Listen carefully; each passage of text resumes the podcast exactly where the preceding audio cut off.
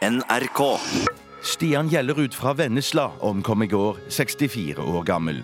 Gjellerud skulle bare ut i postkassen for å hente Fedrelandsvennen da en kastevind blåste over ende postkassestativet Stian delte med 23 andre postkasseeiere.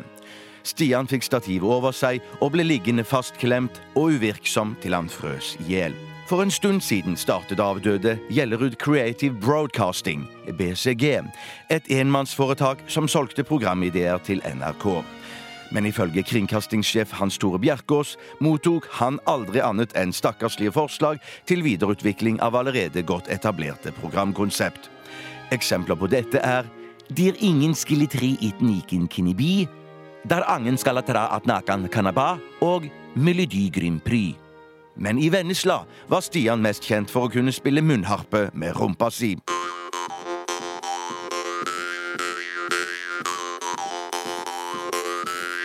Hver sommer pleide de hundre beste rumpemunnspillerne i verden å samles i India.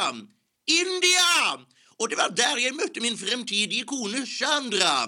I India! Chandra var bare 19 år, eldre enn meg. Hun var født uten armer, noe som gjorde det svært enkelt for meg å få plass til henne i min koffert. Men hun hadde fryktelige slappe bryster.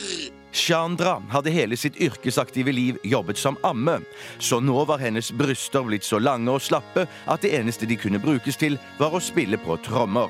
Eller tablas. Tablas! Tablas er en type trommer som kommer fra India. India! Som en hyllest til Stian Gjellerud skal vi nå høre et unikt opptak fra juletrefesten i Vennesla jaktlag, som ble avholdt andre juledag i fjor.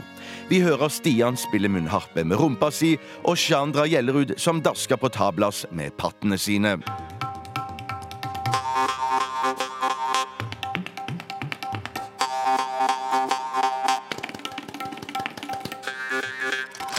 Radioresepsjonen.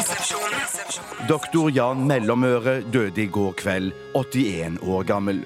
Under studietiden i Tyskland dannet Jan Mellomøre terroristorganisasjonen Røde Ringer, Sure Knær, som gjennomførte en rekke revestreker i Tyskland, Nederland og Legoland. For dette fikk Mellomøre Den brune håndgranat, som er den største utmerkelsen europeiske terrorister kan få. Under overrekkelsen av Den brune håndgranat møtte Mellomøre Rod Stewart, og sammen skrev de sangene Abortion for a Friend, Too Mental for the Institution og Lost in the Pink Cave. Ingen av låtene ble hits, og samarbeidet ble terminert.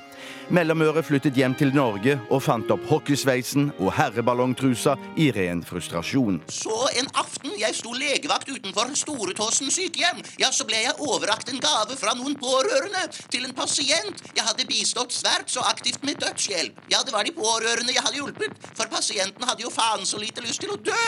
Men her var det jeg som var sjefen, sa jeg. Så gaven jeg fikk da, var et flott akvarium fylt med 200 liter fostervann. Ved siden av å stå legevakt brukte nå Jan Mellomøre all sin tid på å samle menneskefostre til sitt akvarium. Noen av fostrene kom fra gravide kvinner han dopet ned. Andre fostre var overlevende fra aborter. Ja, for det rare var at da jeg dro fosteret til navlen, så skrek det. Hva? Hva? sa det, nesten som en gjedde. Og hvert foster hadde sitt eget lille skrik, akkurat som hver gjedde har sitt helt unike skrik. Hva?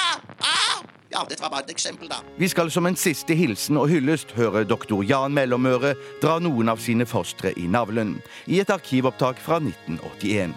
Ja, det kan nesten høres ut som doktoren spiller på sine fostre. Ha en fortsatt fisefin dag.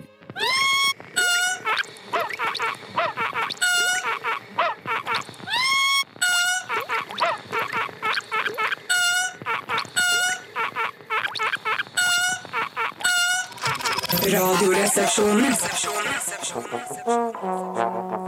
Forfatteren og gledespjokken Steven Tabasco Frekkasen døde i går, 112 år gammel. Det var da en merkelig musikk. Uansett. Tabasco Frekkasen var på vei ned i kjelleren etter et glass herreplommesyltetøy da han snublet i trappa og landet på hodet i kjellergulvet. Gledespjokken døde sekunder senere av skadene han pådro seg. Steven Tabasco Frekkasen ble født på Orkenøyene nord for Skottland. Faren, fader Tabasco, var øygruppens mektigste sauegjeter og et geni til å få stumme sauer til å breke. Her hører vi fader Tabasco i et opptak fra 1910.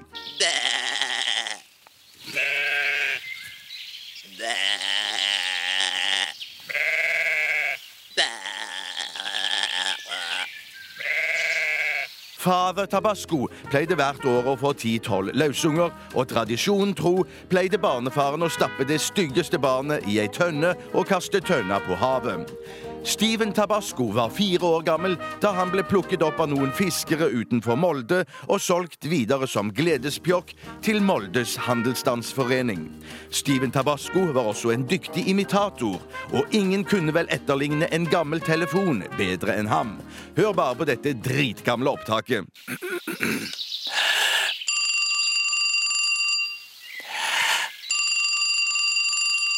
25 år gammel var Steven Tabasco da han giftet seg med den aktive dødshjelperen Frøydis Frekkasen fra Tåsen i Oslo.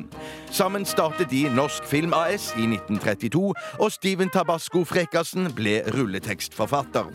Tabasco Frekkasen har forfattet rulletekstene på kjente filmer som Veiviseren, Giftige løgner, 1732 Høtten og Heftig og begeistret, for å nevne noen få.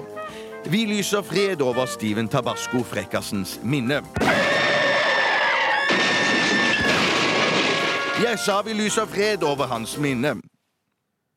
Ja, det får holde. Ha en fisefin dag, da. Du hører på radio. Radioresepsjonen på P3.